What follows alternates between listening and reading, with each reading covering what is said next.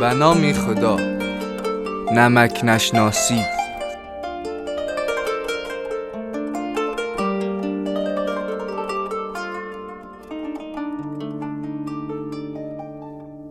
روزی کفاشی در حال تعمیر کفشی بود.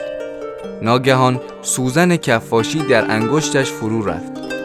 از شدت درد فریادی زد و سوزن را چند متر دورتر پرت کرد.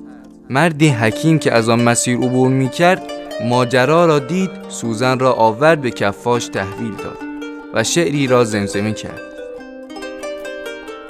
درختی که پیوسته بارش خوری تحمل کن آنگه که خارش خوری.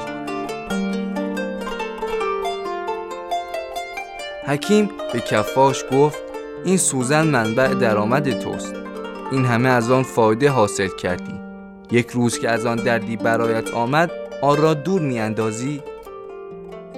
اگر از کسی رنجیدیم خوبی هایی که از جانب آن شخص به ما رسیده را به یاد آوریم. آن وقت ضمن این که نمک نشناس نبوده ایم تحمل آن رد نیز آسانتر می شود تحمل آن رد نیز آسانتر می شود